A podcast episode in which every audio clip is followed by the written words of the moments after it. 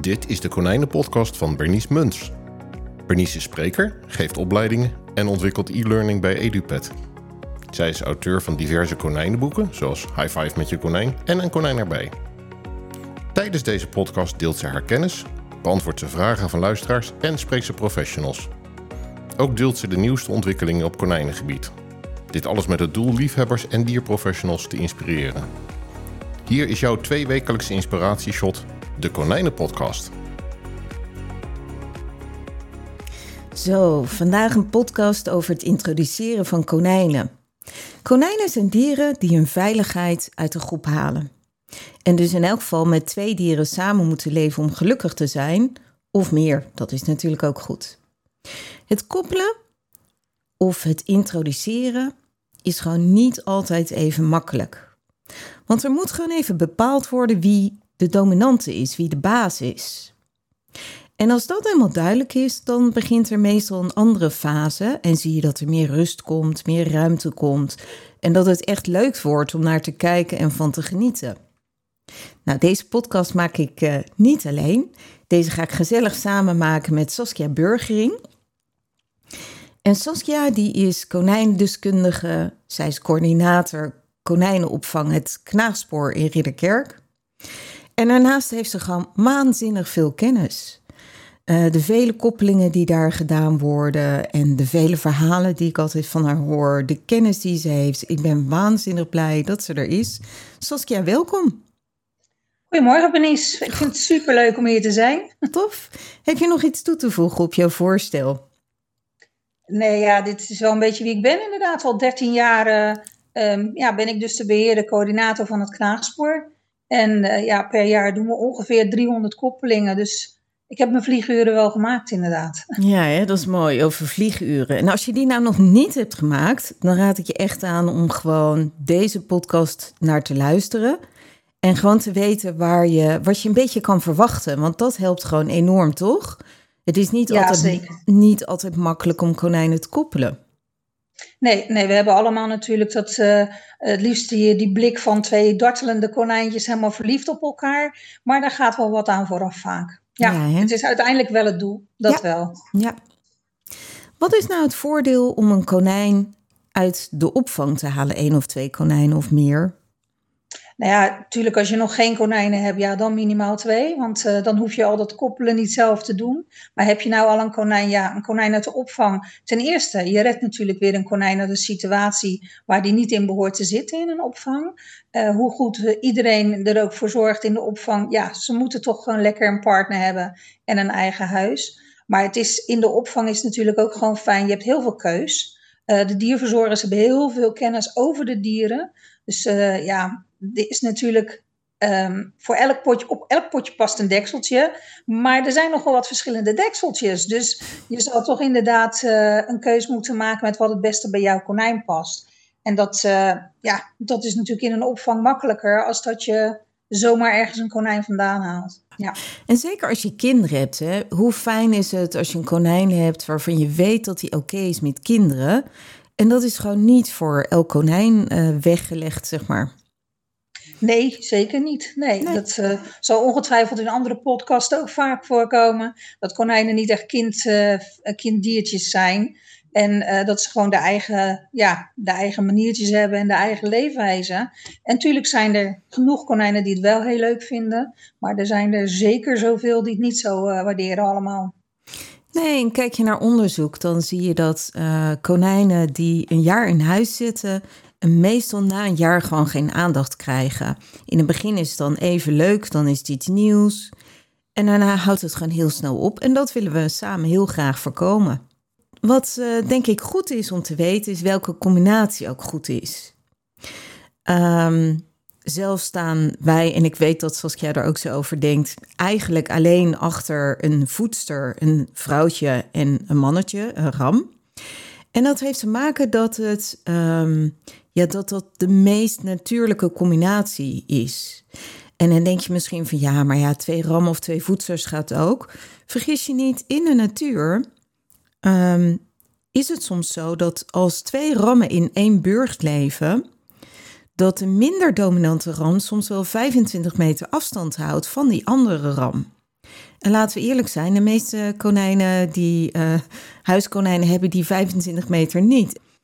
Um, Saskia, wil jij daar nog iets op toevoegen? Misschien iets zeggen over twee voedsters ook? Nou ja, twee voedsters. Uh, kijk, tuurlijk, er zijn voor elk uh, verhaal dat het niet goed gaat, is er wel ergens een verhaal dat het wel goed gaat. Alleen als het niet goed gaat en twee voedsters zijn gewoon territoriaal en hormonaal. Ja, als het misgaat, gaat het echt mis. En dat zijn natuurlijk de momenten die je zeker wilt voorkomen. Want ja, die pluizige konijntjes kunnen toch aardig, uh, aardig tekeer gaan als ze vechten. En ook twee voetsers is gewoon ja, niet zo'n goede combinatie. Ja, dus er worden best wel regelmatig konijnen aan dierenartsen uh, aangeboden met, met wonden, met gaten, met behoorlijke bijtwonden. Ook in de buik, ook bij de genitaliën, toch? Ja, zeker. Ja, en dat zijn natuurlijk wonden. Kijk eens, een plukje uit een bil, zeg je nog Allah. Maar dat, eh, als konijnen eenmaal gaan vechten, dan kan het echt tot de dood erop volgt. En dat is niet, uh, ja, dat is niet wenselijk natuurlijk. Dus vandaar dat wij ook kiezen inderdaad voor de, ja, voor de man-vrouw combinatie, voedster-ram combinatie. Waarbij het liefst allebei geholpen, maar in ieder geval de ram. Ja, top. Oké, kijken jullie verder nog uh, naar uh, leeftijden? Stel voor dat iemand heeft twee konijnen, één overlijdt. En die wil opnieuw een tweede konijn erbij, komt bij jullie. Kijk je dan verder nog naar leeftijden van konijnen of niet? Nou, ik denk dat. kijk, we kijken wel inderdaad bepaald naar de leeftijd. Of ze niet heel oud of heel jong zijn. Maar we hebben natuurlijk zoveel zwervers waarvan je niet zeker weet hoe oud ze zijn. Ja. Ik bedoel, een konijn van twee ziet er hetzelfde uit als een konijn van vijf vaak. Dus eh, vandaar dat wij meer naar het energielevel kijken en het karakter. En inderdaad de keus ja, maken voor de mensen in overleg met hun. Met zoals hun karakter, tenminste van hun konijn het karakter is. En daar zoeken we een karakter bij wat erbij past. Ja, en dat energielevel kan zo enorm verschillen. Hè? De, ik bedoel, ik ken konijnen van tien jaar die echt nog een heel hoog energielevel hebben. En ik ken konijnen van één jaar die een heel laag energielevel hebben. Ja. Dus misschien, misschien is de conclusie wel is om niet alleen naar leeftijd te kijken, hoewel ik het meestal wel meeneem, maar vooral te kijken is, uh, is de match die wij van tevoren uitbedenken, zit dat gelijk op energielevel? Volgens mij is dat een van de belangrijkste dingen. Ja, zeker. Want kijk, een, een heel doodsaai konijn, zeg maar, um, met een heel, heel, heel enthousiast konijn zou elkaar toch niet goed genoeg aanvullen. Het kan wel, want bedoel, het hele energieke konijn kan dat, dat saaie vriendje natuurlijk ook best wel een beetje opfleuren. Maar het kan zich ook heel erg gaan vervelen. En verveling, ja, dat komt meestal uit uit een niet zo leuke combinatie. Nee, dan zie je eigenlijk dat er irritatie komt. En denk maar aan mensen. Weet je, als jij geïrriteerd bent uh, doordat iemand heel druk is, of die je gewoon heel erg op je zenuwen uh, aanslaat of wat dan ook, weet je, dan vind je dat heel vervelend. En ik kan me dan echt zo voorstellen als je een heel energiek konijn hebt die gewoon graag wil bewegen en de ander doet dat niet.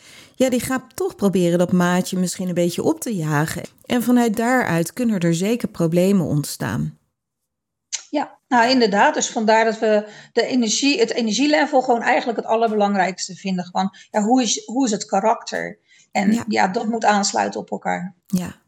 En een punt is dat als ik kijk naar mensen die, die konijnen gewoon, ja, die niet dit regelmatig hebben gedaan, het koppelen van konijnen, die vinden het soms heel erg lastig om in te schatten welke karakters passen nu bij elkaar. En daar heb je eigenlijk gewoon echt een professional nodig, is mijn idee in elk geval. Omdat de meeste mensen daar gewoon moeite mee hebben om dat goed en snel in te schatten. Ja. Nou, zeker. Het is natuurlijk, als mensen bij ons komen, dan komen ze inderdaad binnen met van ja, we hebben het aller, allerliefste konijn van de hele wereld. Weet je, want uh, ja, we hebben hem nu twee jaar. Hij is super, super schattig heel erg leuk, maar ze weten niet hoe het konijn gaat zijn tegen een ander konijn.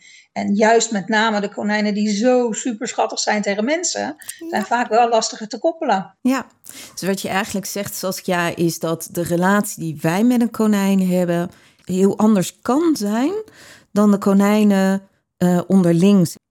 Ja, het is natuurlijk geen wet van mede en persen, dat niet. Maar laten we zo zeggen dat bij de opvangen, denk ik, dat ik mag spreken voor meerdere, dat je liever hebt iemand met een konijn wat lekker konijn is, want die spreekt al konijns, als iemand die inderdaad met een, ja, met een konijntje binnenkomt wat heel zijn leven bij mensen alleen thuis gewoond heeft en die eigenlijk niet meer weet hoe die die, ja, hoe die, die taal moet spreken. Ja, dat is moeilijker hè?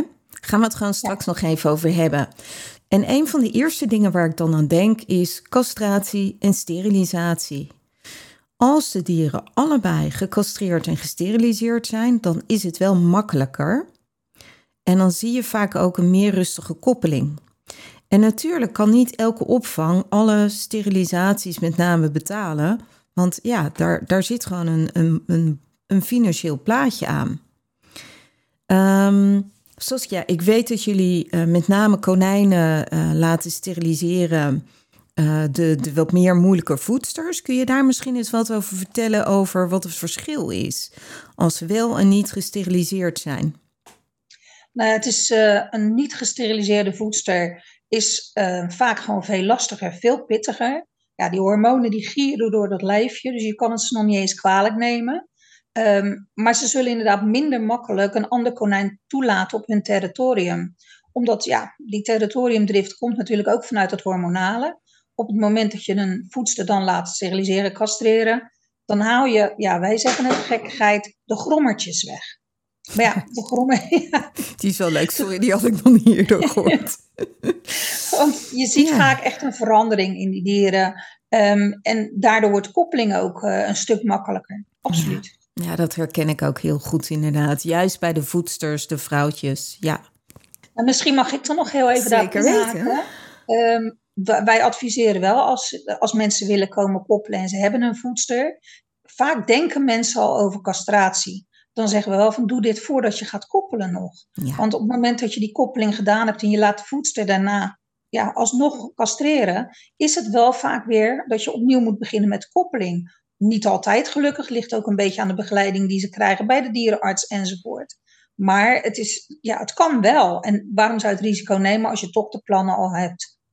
Precies. Dus konijnen, als je met een voedster een vrouwtje uh, naar de opvang gaat, laat ze dan alsjeblieft van tevoren steriliseren.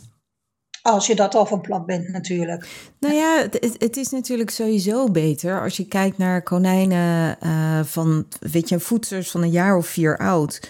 Die hebben best wel heel grote kans op uh, baarmoedertumoren en problemen en dergelijke. Dus ook medisch gezien is het zo belangrijk om een voedster te laten steriliseren. Ja, nee, daar staan we ook absoluut achter, dat wel. Maar ja, niet iedereen ja, wil dat. Dus het is best heel moeilijk om mensen daarin te verplichten. Het is zeker geen verplichting. Wat ik wel graag nog wil vertellen is... Ik heb, zeg, eh, twee weken terug heb ik mijn konijn laten steriliseren. Ik heb een nieuw konijn in huis, Lizzie. En Lizzie die was eerst schijnzwanger. Dat zag ik omdat, uh, omdat je dan ziet dat ze heel veel hooi in hun bek nemen. Het is een heel koddig gezicht, dat wel. Maar het is niet echt fijn voor het dier zelf, voor mijn idee. En ik heb haar laten steriliseren. En wat ik gewoon enorm merk is dat uh, ze zoveel makkelijker is geworden. Weet je, echt gewoon een week na sterilisatie zie je gewoon dat dingen veranderen. Dat ze makkelijker worden, dat ze prettiger worden in een relatie. Dus dat wil ik je wel graag nog meegeven: dat het niet alleen makkelijker is voor een koppeling, maar ook de relatie naar tussen mens en dier. En voor het dier zelf natuurlijk. Ik bedoel, al die hormonen die door je lijf gieren. Ja, het is een beetje te vergelijken met een uh, jonge dame in de puberteit. Dan zijn ze niet te genieten. En als ze daar doorheen zijn, dan uh, wordt het best leuke jonge vrouwen. Maar dat is inderdaad bij een konijn gieren die hormonen ook maar rond. En ze weten ook niet wat ze ermee aan moeten, waardoor ze inderdaad gewoon een minder prettig karakter krijgen. Ja. En bij sterilisatie gaat dat gewoon over. Ja, ja dat is altijd gewoon heel erg fijn. Ja. Oké, een ander iets is, is dat één dier moet eigenlijk in elk geval in het begin de baas worden, de dominante. En dat is altijd even pittig om te zien. Dat betekent dat konijnen kunnen rijden, dat ze kunnen jagen, dat ze plukken haren misschien even uit het andere konijn nemen. En dat zijn allemaal dingen die erbij horen en die normaal zijn. Misschien kun jij daar nog iets op aanvullen, Saskia?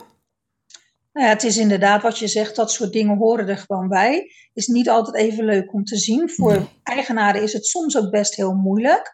Ik bedoel, de keren eh, dat mensen roepen, oh, dat doet hij anders nooit. Die kunnen wij niet meer tellen, inderdaad. Maar, En het is ook niet leuk om te zien, want jouw konijn wordt misschien wel ineens of heel erg bereden, of gaat zelf helemaal los. En dat is natuurlijk best wel heel moeilijk om te zien als eigenaar. Dus wij zeggen dat wel er al bij, van dit is echt heel normaal, maak je niet druk. En ja, dat er een dominante moet zijn, is al moeilijk te accepteren. Want we willen eigenlijk het liefst allemaal, ja, weet je, de, de, de egale, de hele in balans zijnde uh, relatie. Maar hij is in balans op het moment dat er een dominante is. Ja, die vind ik mooi. Hij is in balans op het moment dat er een dominante is. Ja. En daarna zie je vaak ook dat er, als er eenmaal de dominante bepaald is wie dat wordt, dan ontstaat er vaak ook meer rust. En dan zie je dat ze veel meer uh, langzaam een band ontwikkelen. Het is dus niet zo, je zet twee konijnen bij elkaar, één is de baas en plof, alles is klaar. Ook zij hebben tijd nodig om een relatie op te bouwen. Ja, en soms is het inderdaad na een paar dagen dat toch de rangorde alsnog verandert. En inderdaad dat de ander toch nog dominant wordt. Dat hij door schrik of door veranderde omgeving in eerste instantie denkt, oké, laat maar, weet je, ik accepteer dit. Maar na een paar dagen toch denk ja, maar wacht even, zo werkt het niet helemaal. En dan zie je toch die rangorde nog even veranderen. Ja. als die eenmaal bepaald is, is het wel fijn natuurlijk, want dan kun je bouwen aan een goede, stabiele relatie. Precies, en dan zijn die handelingen die in het begin nodig zijn om de baas te worden, als het ware, die zijn in feite niet meer nodig. Dan komt er gewoon rust en ruimte. Ja, zeker. Oké, een ander iets is een neutraal terrein. We hadden er net al over dat voedsters met name zijn hele territoriale wezens. Uh, de voedster net vaak nog even wat meer dan de ram. En daarbij is het zo belangrijk om een neutraal terrein te hebben. En wat is een neutraal terrein? Een terrein waar de konijnen eigenlijk niet eerder zijn geweest. Nou, misschien wil jij daar nog wat over zeggen, Saskia.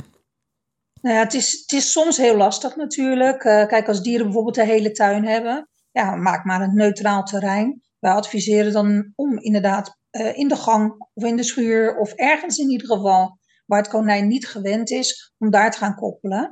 En binnen is dat een beetje hetzelfde. Ik bedoel, als een konijn uh, ja, free roam door de hele kamer, is het natuurlijk best moeilijk om, om daar een neutraal stukje te doen. Ja, dan zeggen we, kies de badkamer of de keuken. Maar hou wel in de gaten, soms duurt een koppeling wat langer. En misschien wil je na een dag of twee wel een keer douchen. dat is natuurlijk wel belangrijk. Dat je een ruimte kiest waar je wat langer kunt koppelen. Zeker. En ook realiserende dat stel voor dat jij een free roaming, oftewel een loslopend konijn in huis hebt. Als jij een andere kamer in je huis gaat uh, zoeken waar de konijnen niet eerder zijn geweest. Weet je, die andere kamer ruikt eigenlijk hetzelfde een beetje als beneden. En dat maakt dus ook dat het soms gebeurt dat konijnen die in huis gekoppeld worden en die, die dus normaal gesproken vrijlopen.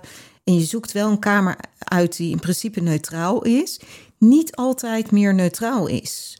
En dan kan het dus helpen om te zeggen van ik koppel dan even buiten als het lekker weer is. Tuurlijk moet het wel goed weer zijn. Wat vaak ook scheelt is mijn ervaring. Stel voor dat jij uh, konijnen in de tuin hebt. En ze lopen ook wel eens los in die tuin, ik noem maar wat. En je hebt je kooi, ik noem maar wat, recht staan met de ren. Dat je dan die ren eventjes alleen links zet in de tuin. Want de plek waar zij het meeste bevinden, zijn zij het meeste territoriaal. En het maakt dus, het helpt dus als je ze in elk geval niet op diezelfde plek terugzet. Want stel voor dat één konijn al gewend is om daar te wonen en het andere niet dan is het konijn wat wat niet gewend is eigenlijk in het nadeel. En dat maakt dus gewoon dat soms dingen net even anders kunnen zijn. Toevoegingen? Nee, nee, dus volledig uh, gelijk heb je daarin. Ja, en natuurlijk, je kan niet altijd een volledig neutrale ruimte. Ik bedoel, je kan de grasprieten niet één voor één af gaan nemen met natuurazijn. Dat is nee, dat, dat, dat gaat maar niet worden. je kan het wel zo neutraal mogelijk maken. Precies. En ja, weet je, en dan misschien eerder, tenminste misschien, gewoon even het konijn wat nieuw is, alvast even in de ren zetten. Dat hij in ieder geval al een beetje thuis is. Niet te lang. Ook een beetje afhankelijk van het karakter. Heb je een heel zelfverzekerd dier, dan, dan hoef je dat misschien niet te doen. Heb je een heel angstig dier, dan doe je dat misschien net even tien minuten langer. Maar gemiddeld, ja, hoe lang zou ik, ik. Weet je, meestal als je konijnen in een nieuwe plek zit, dan gaan ze even onderzoeken. En dat gaat meestal, afhankelijk hoe groot de ruimte is, om een paar minuten. En dat is waar Saskia het over heeft, denk ik zo. Klopt dat, Saskia? Jazeker, ja. Niet te lang, want dan gaan ze de ruimte weer eigen maken. Ja. En is die weer niet neutraal. Dus het is echt heel eventjes. Ja, het gaat om een paar minuten, toch? Ja, absoluut. Ja. Dan wil ik graag nog één ding wil toevoegen. Stel voor dat er iemand luistert die toch, ondanks alles, een hele grote groep voedsters bij elkaar zou zetten. En stel nou dat daar een dier bij komt of iets dergelijks. Daarvan heeft onderzoek uitgewezen dat je beter zo'n groep wel op diezelfde locatie kan laten staan. En dat er dan minder gevechten zijn. Ja, soms bij grote groepen is het inderdaad gewoon het beste om te koppelen op haar eigen terrein. Dat, ja. Uh, ja, ook dat. Want bedoel, al zou je met een hele grote groep moeten reizen, is natuurlijk ook al niet wenselijk. Dat is gewoon dus niet te dan, doen. Uh, dan kies je voor, de, ja, voor thuis koppelen op Precies. het terrein van de dieren zelf. Ja. ja, en bij de voedsters is er echt onderzoek naar gedaan. Algemeen groepen niet, inderdaad. Ja. ja. Dan misschien wil je wat vertellen over speeddaten, Saskia. Nou ja, de keus bij het knaaspoor, ik kan natuurlijk alleen voor het knaaspoor spreken. Uh, wij hebben dan de keuze tussen speeddaten en koppelvakanties. Um, ja, het voordeel van een speeddate is dat het allemaal natuurlijk snel gaat. Je hebt meteen keus. Uh, als het misgaat, dan kan je direct voor een ander dier kiezen. Maar wat is het? Wat is het misschien? Um, Want nou, houdt in de. Uh, sorry, ja. Nou, het houdt inderdaad in, je komt met je eigen konijn naar de opvang. Um, daar hebben we een gesprek met je, meestal al van tevoren, maar even voor het gemak dan nu het gesprek op de opvang. welke dieren er geschikt zijn voor jou. Uh, we kiezen er maximaal drie uit samen in overleg en gaan dan kijken bij een eerste introductie bij ons welk dier er het beste bij, uh, bij het andere konijn past.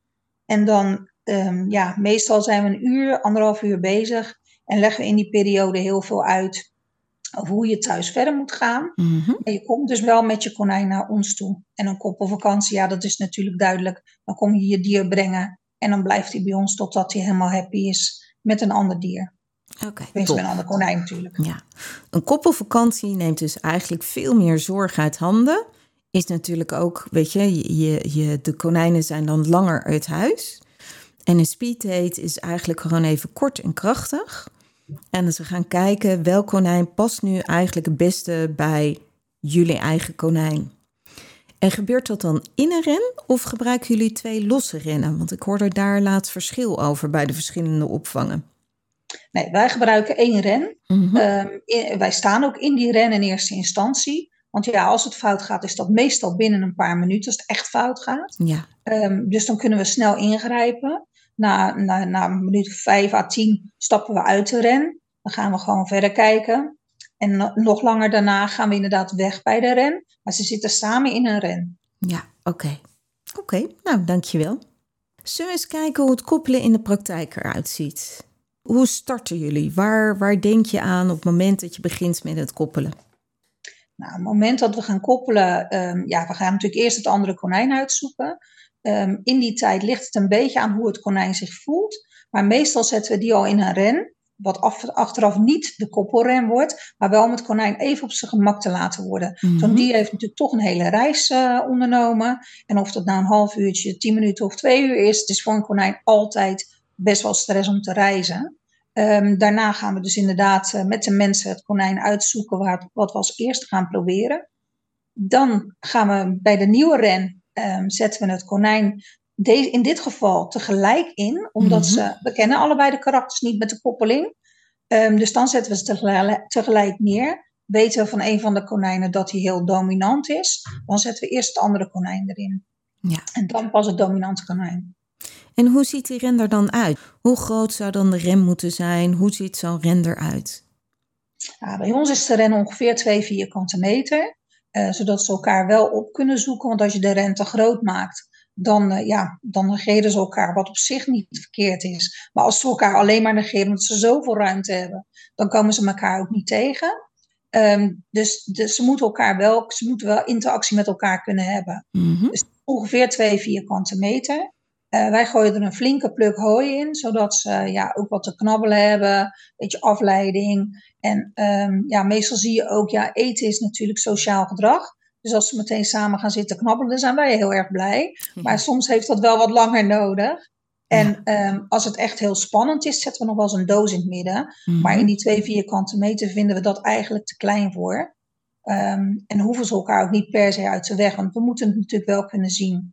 En op het moment dat ze constant achter de doos gaan zitten, zien wij te weinig interactie om te beslissen of het wel of niet kans van slagen heeft. Ja. Ja, zelf koppel ik ook altijd zonder schuilplaats. Dit is de enige moment, echt de enige, enige, enige situatie uh, waarbij ik konijnen geen schuilplaats geef. En tuurlijk kijk je altijd naar het individu. Hè? Soms, wat Saskia ook aangeeft, dat je denkt van oké, deze hebben het net wel nodig. Dan pak je die erbij wel bij. En stel nu voor dat je niet in de asiel koppelt, maar alleen. Wat ik dan meestal doe, is dat ik net buiten de ren, echt voor het grijpen. Dus ik kan, als ik in de ren sta, kan ik alle producten pakken. Dan heb ik daar schuilplaatsen staan. Ik heb er knaagmateriaal staan. Ik heb er een waterbak staan. Ik heb er eten staan. Ik heb er een toiletbak staan. Alles, alles, alles heb ik gewoon staan. En de reden waarom ik meestal geen waterbak neerzet, is dat dan gaat die waterbak vaak alleen maar om. En dan word je rennat en dan worden konijnen vies en dat is niet wat je wil. En ik ben eigenlijk ook heel erg benieuwd of Saskia wel een waterbak heeft staan. Want ik vind het ook wel altijd een dingetje. Nee, wij zetten in eerste instantie ook geen, uh, geen waterbak neer. Want het is, nou ja, wat je zegt, ze gaan rennen. Ze rennen door die waterbak. Zo'n waterbak maakt herrie als die wegschuift. Precies. Uh, spanning komt er en daardoor kan zelfs zo'n koppeling zelfs mislukken. Mhm. Kijk, zitten ze langer in zo'n ren, Tuurlijk, absoluut. ja, dan komt er meteen water bij, uiteraard. Voor de Maar duidelijkheid, ik heb het over de eerste half uur. En daarna, zodra je, weet je, dan gaat hij meteen weer terug. En dat maakt dus ook daarom dat ik alles voor het grijpen pak. Dat ik in de ren sta en dan die waterbak kan pakken. En eh, stel ook dat het niet goed genoeg gaat, dan pak ik hem ook. Want water is natuurlijk een eerste levensbehoefte. Nee, precies. Ze zitten niet lang zonder water, maar even de eerste, ja, de eerste ontmoeting, dus het eerste half uurtje ongeveer. Ja. Ja. En heb jij of je collega dan nog iets aan, zeg maar? Ik, ik heb namelijk zelf altijd eh, meestal iets van handschoenen of een dienblad. Ik heb zo'n heel klein dienblad. Ik denk, wijs nu dus mijn handen aan. Ik denk dat het 20 centimeter is of zo. Ik heb meestal een vliesjas aan, omdat als ik een konijn moet optillen uit nood of wat dan ook, dat ik niet mezelf kan openhalen of iets dergelijks. Hoe doen jullie dat, Saskia? Nou ja, we hebben een handdoek erbij. We zijn eh, ja, dan net even iets minder voorzichtig met onszelf. Eh, maar tot op heden nou, is de kans dat we gebeten worden. In al die jaren is dat echt zelden gebeurd. Dus meestal als je een handdoek hebt en je, je doet die snel over een konijn heen. Ja, zo kan dan het lukt het wel. Ja, Ja. ja. dat snap ik ook. En soms kan ik me ook voorstellen dat het optillen gewoon net even wat makkelijker gaat als je er een handdoek overheen legt, gooit. En de andere kant kan zijn, dat heb ik ook wel op video's gezien, dat konijnen er erg van kunnen schrikken. Dus weer kijk gewoon naar het individu, naar de mogelijkheid, naar alles wat er is en bepaal gewoon waar, waarvoor je kiest, denk ik zo. En waar gaan jullie staan, Saskia? Want er, is best wel, er zijn best wel meningsverschillen in konijnenwereld. En sommige mensen kiezen er echt voor om in de ren te staan. En sommige mensen kiezen ervoor om eruit te staan. Ik kies er altijd voor om erin te staan. Ja, om, omdat het juist de eerste moment is vaak zo'n moment waarop het mis kan gaan. Hoe is dat voor jullie, Saskia? Nou ja, eigenlijk precies één. Wij stappen ook altijd eerst in de ren. We blijven wel zoveel mogelijk aan de zijkant staan Ja. natuurlijk. Zodat de ruimte van de konijnen blijft. En dat je niet eh, ja, echt in de weg staat. Dus niet midden in de ren. Maar we blijven echt wel aan de, ja, de eerste tijd er even bij staan. Want wat je zelf al zegt, als het misgaat, gaat het ineens echt heel erg mis.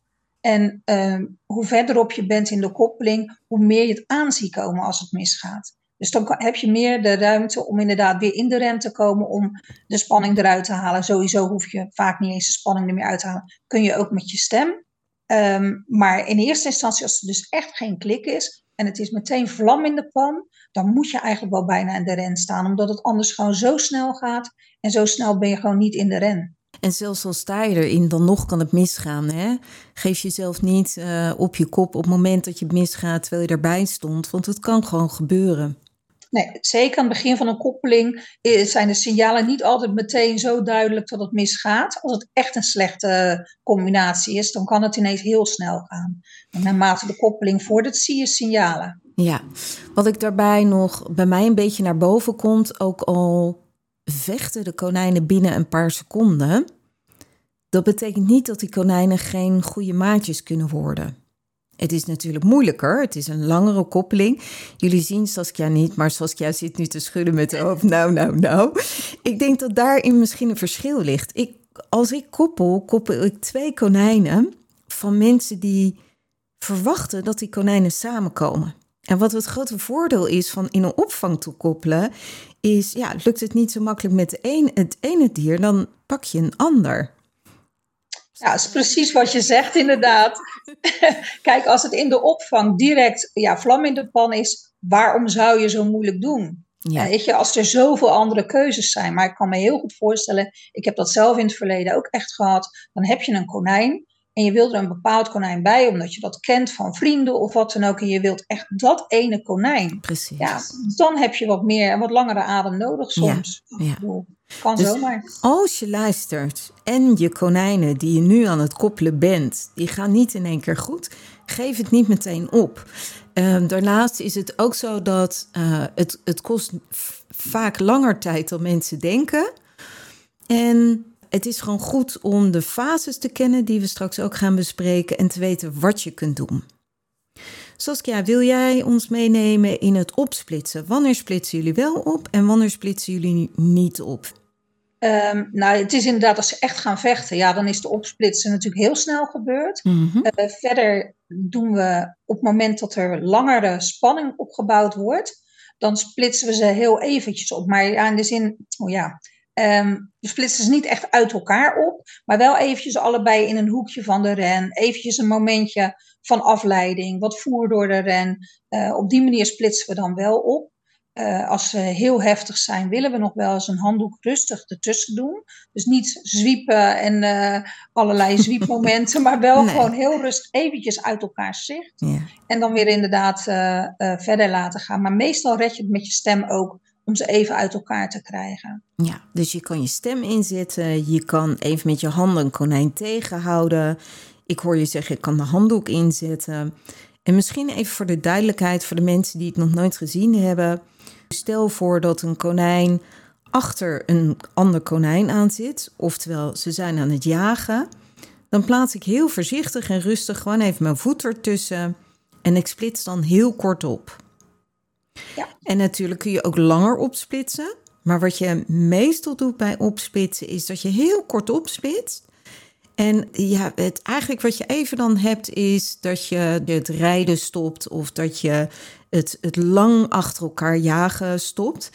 En terwijl ik dit zeg, dan zegt mijn hoofd alweer, ja, maar dan moet ik wel uitleggen dat jagen normaal is. Alleen Saskia had het er net over die spanning opbouwen. En als dat te lang duurt, dan splits ik op. En meestal ziet het eruit, bij mij in elk geval, als konijnen bijvoorbeeld 10, 15 seconden achter elkaar echt aan blijven rennen, waarbij je ziet dat er geen rem op zit en dat het alleen maar drukker wordt. Hoe is dat voor jou, Saskia? Ja, klopt inderdaad. Het is, uh, uh, met, zeker met jagen. Doe jagen is prima, dat hoort erbij. Precies. Een uh, plukje vacht uit de billen geeft allemaal niks, dat hoort er echt bij. Maar soms zie je gewoon dat ze in zo'n vibe komen van alleen maar rennen, alleen maar rennen. Ik heb heel lang geleden, ik denk dat het wel tien jaar geleden is, een keer een konijn opgetild om eruit te halen, omdat ik toen ook nog niet zo ervaren was. En dacht, oh, deze moet eruit. En toen bleef dat andere konijn gewoon dezelfde rondjes rennen. Dus ze zitten ja, in, een, in een soort van vibe, niet eens meer voor de ander. Ja. En op het moment dat je je stem, of inderdaad wat je zegt, je voet, of een, even de handdoek, of even afleidt, dan zijn ze uit die vibe. En dan kunnen ze gewoon weer verder met de koppeling. Ja. En je zei er net ook, ik gebruik ook even mijn stem. Heel vaak helpt het om, als de konijnen hun namen kennen, mocht dat zo zijn, dan kun je dat inzetten. Waar je denk ik een beetje voor moet waken, wat mijn valkuil is, is als ik één konijn koppel aan de ander. Eén konijn ken ik, de ander niet. Ik heb het dus nu over mijn eigen konijn, mijn eigen situatie. Dan is, dan, dan is het belangrijk om te proberen zoveel mogelijk objectief te blijven. En ik weet niet hoe dat voor jullie is. Voor mij vind ik vind dat altijd heel erg moeilijk. En ik denk, jij begint nu te lachen, zie ik nu zo. Maar misschien wil jij daar nog iets over kwijt? Nou ja, kijk, die objectiviteit hebben wij natuurlijk altijd. Want ehm, de 140 konijnen die bij ons zitten, tuurlijk, ze zijn van ons. En tuurlijk vinden we ze allemaal geweldig. En we vinden het konijn wat komt ook geweldig. Maar we hebben er geen emotionele band mee. Precies. Dus die emotie die wij hebben van, oh, maar Flappy wordt bereden, weet je, dat, dat hebben wij gewoon niet meer. Dus in die, die zin denk ik dat er een aardige objectiviteit is vanuit de opvang als je zeker, staat te koppelen. Zeker, Ik kan mensen echt ook aanraden om koppelingen uit te besteden. Of, weet je, bij een opvang, bij een konijndeskundig, bij wie dan ook. Maar in elk geval, doe het niet zelf. Want zelf is het vele malen moeilijker dan dat je het uitbesteedt. En uh, ik heb mijn eigen konijnen ook wel eens uitbesteed om te koppelen, omdat ik gewoon dan te dicht betrokken ben. En soms is het handig om dat niet te doen, terwijl als andere konijnen komen, vind ik ze allebei even lief en is het gewoon veel makkelijker. Ja, ja zeker. Je kijkt er toch anders naar. Ja. Dat, uh, en zeker als je een konijn hebt met wat probleempjes, dus dat je inderdaad een wat onzeker dier hebt of wat dan ook, of, of een dier met een mankementje een, uh, een pootje minder of uh, ze zijn blind. Dat zijn natuurlijk toch dieren waar je al snel je moedergevoelens op loslaat. En dan, ja. ja. dat maakt het wel moeilijker om objectief te blijven. En die objectiviteit hebben wij gelukkig wel. Dat, daar ben ik blij om. Ja, ja. nou, dat kan me goed voorstellen. Oké, wat dan denk ik ook goed is om te weten, is welke fase zit je in? Nou, even een paar kleine voorbeelden. Stel voor dat er eerst heel veel actie is. Bij een volgende fase zie je dat er dan minder actie is. Of er is eerst agressie. En agressie zie ik dus ook al van het veel rijden, uh, het vastbijten tijdens het rijden, even in de nek, dat soort dingen. En later zie je dat dat steeds minder wordt, of zelfs onverschilligheid. Of het kan ook zo zijn dat je twee onverschillige konijnen hebt, die helemaal niet naar elkaar omkijken. En dan later merk je dat ze af en toe eens een keer naar het andere konijn durven te kijken. Ook dan zit je weer in een volgende fase. Eerst meer spanning, later ontspanning. Toevoegingen? Nee, nee dat klopt. Dat scheelt weer. Hoe lang zou jij zeggen dat het gemiddeld duurt om konijnen te koppelen? Ja, daar is, daar is echt niks van te zeggen. Weet je, je hebt koppelingen die zijn binnen een uur helemaal pan klaar. En uh, er zijn koppelingen waar je echt wel een hele tijd mee bezig bent. En dat wil niet zeggen dat die ene koppeling die zo klaar is, dat dat een betere match wordt dan uiteindelijk de koppeling waar je langer mee bezig bent. maar wij zeggen toch wel tegen mensen dat ze toch zeker wel twee weken um, ja, de tijd moeten hebben om in ieder geval het in de gaten te kunnen blijven houden. En dat is dan variërend van, uh, van per dag ermee bezig zijn. Of in ieder geval wel langzaam aan elkaar, tenminste naar elkaar toe laten groeien. Ja, nou moet ik wel zeggen dat als je konijn aan het koppelen bent, dan zorg ik in elk geval dat ik drie dagen echt vrij heb. Dat ik drie dagen daar volledig kan zijn. En daarna is het niet zo dat ik er meer dag en nacht aanwezig hoef te zijn. Nee. Nee Klopt dat? Dat ben ik met je eens. Ja, zeker. Okay. Ja, En, en, meestal is het korter. Hè? Het, is niet zo, het is niet altijd zo. Ik ga er wel vanuit en ik koppel met name ook meer moeilijkere koppelingen. Dus ik, ja, ik ben niet helemaal de standaardpersoon om daarover uh, over te praten, zeg maar. Ehm, nou, wij zeggen ook wel hoor, inderdaad, de eerste dagen zorg dat je wel thuis bent. Ja. En uh, ja, niet dat je op maandagochtend komt koppelen en vervolgens tot, uh, nou ja, elke dag uh, tot s'avonds acht uur aan het werk bent. Want dan ben je gewoon ja, niet, niet genoeg aanwezig. En wat doen jullie, Saskia, als de koppeling nog een beetje ehm, zo-zo is, zeg maar. Stel het is om een uurtje of negen, en dan moet je gaan bepalen van hoe doe ik dat dan in de nacht. Nou hebben klanten die op de bank ernaast slapen. Ik kan me zo voorstellen dat niet iedereen dat doet. Dus wat raden jullie dan aan?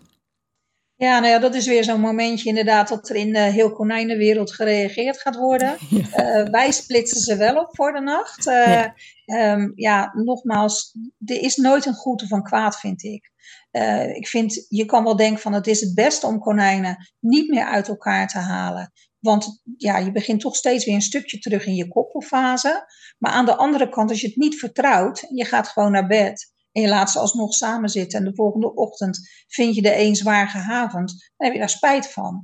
En met name mensen die niet gewend zijn om te, om te koppelen, dus de, de leek zeg maar, adviseren wij toch gewoon voorzichtigheid. Want dat is het allerbelangrijkste. Ja. Uiteindelijk gaat het Ja. wel om het welzijn van je dieren. Ja, zeker, absoluut. Ja. Oké, dankjewel. Goeie tips. Misschien is het ook nog wat leuk om voorbeelden te bespreken die net even wat anders zijn dan anders. Bijvoorbeeld als er geen interactie is. Wil jij daar iets over zeggen?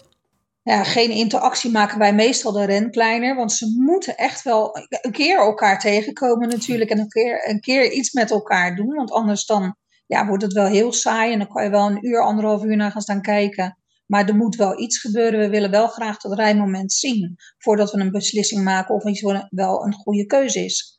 Dus in Ehm, feite is een koppeling pas oké als er gereden is, toch? Ja, ja, het is niet dat het altijd zo is. We hebben echt wel eens koppelingen dat het echt gewoon niet gebeurt. Ja, je kan wel blijven wachten. eh, maar soms is het nou eenmaal zo. En dan is het gewoon, ja, match made in heaven vaak. Dat, en dan komt het ook later ook niet. Nee, hè? en dat grappig is is heel dat. uniek. Ja, Ja. dat is echt heel uniek. Maar voor Ja. de mensen die nog nooit eerder een koppeling hebben gedaan, zou ik aanraden om ervan uit te gaan dat koppeling niet rond is zolang er nog niet gereden is. Omdat, weet je, geen onderzoek, maar uit eigen ervaring en idee, 95 of 98 procent van de konijnen moeten gewoon even gereden hebben voordat een koppeling überhaupt pas rond is. Zeker, zeker. Ja. Ja, en die ren kleiner maken, dat is zo fijn, hè? Saskia en ik werken volgens mij allebei met van die puppy-rennen. Klopt dat, Sas? Ja, toch? ja, klopt. En die kun je heel makkelijker kleiner en groter maken. En dat, dat werkt altijd heel erg fijn. Zelfs zo zet ik ze altijd in, in, een, in een cirkelachtig, omdat konijnen rondjes gaan rennen. En misschien als je die niet hebt, kun je die bij iemand lenen, bij de opvang lenen of bij iemand anders of iets dergelijks. Ik vind het wel vele malen prettiger werken dan in een badkamer koppelen of in een gang koppelen. Ja, zeker. Kijk, maar ja, niet iedereen heeft de mogelijkheid natuurlijk om zo'n ren neer Nee. te zetten. Nee. Maar absoluut met een ren werken is gewoon het fijnst. Want je kan een, een vrij klein gebied dus inderdaad afzetten. En je kan het gewoon goed in de gaten houden op die manier. Ja, en in je badkamer, ja, nogmaals, ze, ze schieten onder het eh, wastafeltje. Eh, nou ja, noem alles maar op. Ze hebben vaak ook plekjes waar ze heen kunnen. Waar je ze nou net niet wil hebben met een koppeling. En in een open ren zie je toch meer wat er gebeurt en kun je sneller ingrijpen. Ja, ze kunnen elkaar gewoon eerder corneren of, of vastpinnen op iets of zo. Ja. Ja, ja. En soms is het denk ik ook goed om juist even wat meer afstand te nemen. Dan zie je dat de konijnen ons als begeleiders zeg maar aan blijven kijken. En dat ze als het ware afgeleid zijn. En dan kan het handig zijn om op een afstandje gaan staan. Wel, wel misschien in- zeker in het begin te blijven kijken. Maar op een iets groter afstandje. Dat is iets wat ik van jullie heb geleerd. Zoals ja, dat had ik in de tijd nog niet eerder meegemaakt. Toevoegingen? Nou ja, je ziet soms inderdaad zo'n koppeling nog helemaal veranderen. Want ja, uiteindelijk als wij daar in zo'n, bij zo'n ren, tegen die tijd staan we al bij de ren natuurlijk, niet meer in de ren. Maar je staat nog steeds hoog. Dus we zijn nog steeds een soort van roofdier wat staan te kijken op zo'n koppeling. Dus ja, het blijft natuurlijk toch wel intimiderend. Dat zeker ook de mensen die erbij horen. Er staan soms wel eh, drie volwassenen, twee kinderen. Het staat allemaal maar om die ren. Dus hoe, hoe eigen zijn die konijnen op dat moment? Ja. Dus vandaar dat we altijd zeggen, we stappen nu weg. En we gaan inderdaad sneaky vanuit een ander hoekje mee staan gluren. En soms zie je het echt wel veranderen. Zie je ze veel vrijer worden. Ja, grappig is dat, hè? Ja. ja. Dan nog iets over konijnen die lang alleen hebben geleefd. Wat, je, wat Saskia er net ook vertelde, die hebben eh, minder sociale vaardigheden naar andere konijnen toe. En die zijn vaak ook wat moeilijker te koppelen. Dat kost gewoon meer tijd. Soms kan het handig zijn om als eigenaar er meer bij te gaan zetten. Weet je, dat je echt die steun ook geeft naar het konijn en dan heel langzaam eh, jezelf daarbij terug te trekken. Maar je kan in elk geval verwachten dat dat moeilijker is. En wat denk ik ook belangrijk is om daarbij een konijn te zoeken die natuurlijk wel een beetje matcht in de energie van het eigen konijn. En de andere kant eentje die niet al te bij de hand is en al te dominant of al te hormonaal en territoriaal en dergelijke. Want heel vaak zie je dat die konijnen dat niet trekken. Nee, klopt inderdaad. Dat, uh, ja, wat je zegt, ze hebben die sociale vaardigheden niet. Dus zeker een heel pittig konijn wat er tegenover komt te staan. Ja, die heel duidelijk is in de taal van de konijnen, is natuurlijk ineens wel heel overweldigend. Dus vaak zoeken we bij een konijntje wat, wat zo op zijn eigenaar gericht is, zoek je een wat stabieler uh, ander dier bij. Dus inderdaad, die gewoon wat al gewend is om een, andere, een ander maatje te hebben. Uh, die duidelijk uit kan leggen van, joh, dit doen we wel, dat doen we niet. Dit is oké, dit is niet oké. maar niet zo heftig dat hij meteen bam er bovenop uh, springt. In de zin van uh, echt hele erg aanwezig zijn. Want dan maakt het zo'n dier toch bang. En op het moment dat zo'n dier bang is, ja, dan heb je de eigenaar wel wat harder nodig. Ja. En, ja, bij een koppeling is het natuurlijk, ja, als mens moet je je er eigenlijk zo min mogelijk mee bemoeien. Maar soms ben je als mens wel heel erg belangrijk voor zo'n konijntje. Ik bedoel, ja, ik heb zelf gehad dat, uh, dat ik op een schoot van een eigenaar heb laten koppelen. Omdat het konijntje zo bang was. Elke keer als het andere konijn erbij kwam om te rijden, had hij echt zoiets, nou wat er nu gebeurt. En dan sprong hij echt tegen de ren op in de armen van de eigenaar. En dat is natuurlijk als jij over een meter ren heen gaat springen uit pure angst. Ja, dan is er iets niet oké. Nou, de eigenares is inderdaad in de ren gaan zitten, heeft het konijntje op schoot genomen. Het andere konijntje kwam er uiteraard meteen bij om te rijden. Dat heeft hij ook op die schoot gedaan. En toen dacht het konijntje, oh, maar is dat alles wat er gebeurt? ja. Weet je? Ze worden op een gegeven moment zo bang van alles. Zo, omdat, ze, omdat niks herkenbaar als het ware is. Zo lijkt het tenminste. Nee. Um, dat die steun van die eigenaar gewoon heel hard nodig is. En, en daarbij ook kan een opvang gewoon heel erg helpen. Als, weet je, als je met je handen in de haren zit, overleg dan met iemand die daar gewoon verstand van heeft. Nou ja, precies. Er zijn gelukkig steeds meer konijndeskundigen die allemaal gewoon telefonisch consult of thuisconsult kunnen geven. En ook de opvang wil daar natuurlijk altijd graag bij staan. Ja, precies. Ja. Oké. Dan nog iets van uh, waar ik het nog graag over wilde hebben, is een derde konijn. Er zijn heel veel mensen die twee konijnen hebben en dan zien ze een konijn, worden ze er verliefd op, hebben ze iets van yes, die dat derde konijn die gaat met ons mee. Ik denk dat ik wel kan zeggen dat Saskia en ik daar geen voorstander van zijn. Omdat het kan zomaar zijn dat die twee konijnen die een hele goede relatie hebben, dat die relatie helemaal daarna minder goed is. Of dat er een van die twee dieren dan een soort van derde wiel aan een, hoe noemen we dat? Zoals? Aan de wagen. ja, een derde, wiel aan de wagen. En dat het gewoon helemaal niet goed werkt. En dat is altijd zo sneu om te zien. Ja, ja, nou ja, dat, ja, je verwoordt het natuurlijk uh, precies zoals ik het ook zou verwoorden. Kijk, wij adviseren mensen, tenminste als mensen bellen voor een derde konijn erbij, uh, dan vragen we in eerste instantie waarom uiteraard. En dan vragen we ook van, joh, hoe is de relatie nu tussen je konijnen? En op het moment dat ze zeggen van, joh, dus die zijn dol verliefd op elkaar. En als het niet lukt, dan ja, dan lukt het niet. Ja, maar wacht even, zo werkt het niet. Weet je, het is niet zo dat als het niet lukt, dat de relatie tussen jouw eigen konijnen weer helemaal supergoed is. Dat wil helemaal niks zeggen. Dat kan ook gewoon echt verprutst worden. Ja. ja, dat is natuurlijk iets wat mensen vaak niet voor kiezen. Dus ja, ik raad het wel een beetje af. Kijk, als mensen het echt willen, ja, weet je, dan is het zoals het is. Maar wij zullen het niet snel aanraden om te doen. Nee, nee. Wat wel zo is om goed te weten, denk ik, is dat als je twee konijnen hebt die al langer bij elkaar zitten en waarvan je gewoon merkt die hebben gewoon geen fantastische relatie, daar kan het soms wel helpen om een derde konijn bij te zetten. Of als je twee voedsters hebt die op een gegeven moment uh, weet je, minder goed met elkaar omgaan. Ik heb het niet over oren die afge beter zijn of iets dergelijks. Maar gewoon waarbij het gewoon niet geweldig gaat. Daar kan het wel bij helpen om een derde konijn te zetten, bij te zetten. Ik heb het dus niet over twee rammen. Daar gaat geen konijn meer bij. Die gaan gewoon uit elkaar. Ja, of twee voedsters natuurlijk. Als je er inderdaad gewoon ja, twee... precies, dat bedoel ik. ja, ja, dat kan natuurlijk wel. Maar inderdaad, bij twee, ja, bij twee voedsels die bij elkaar zitten die niet stabiel zijn, kun je kiezen voor een stabiele ram erbij. Is ook geen garantie voor de toekomst. Ook daar zijn we heel eerlijk in. Maar dat willen we inderdaad best proberen voor mensen. Maar dan heb je eigenlijk een relatie die al niet 100% is. Ja. Wat je zegt inderdaad, als ze elkaars oren afbijten en de relatie is echt niet goed, ja, dan moet je daar helemaal niet aan willen beginnen. Precies. Maar voordat ik ga afronden, Saskia, is er nog iets wat jij wilt toevoegen? Is er nog iets wat gezegd wil worden?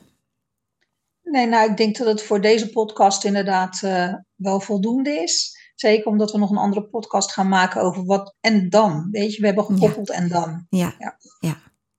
Oké, nou heel veel dank voor het, uh, voor het meedoen. En uh, nou, ik vond het echt super leuk om dit samen te doen. Tof. Ja, ik ook. Mooi. Dankjewel voor het luisteren en tot gauw. Tot snel.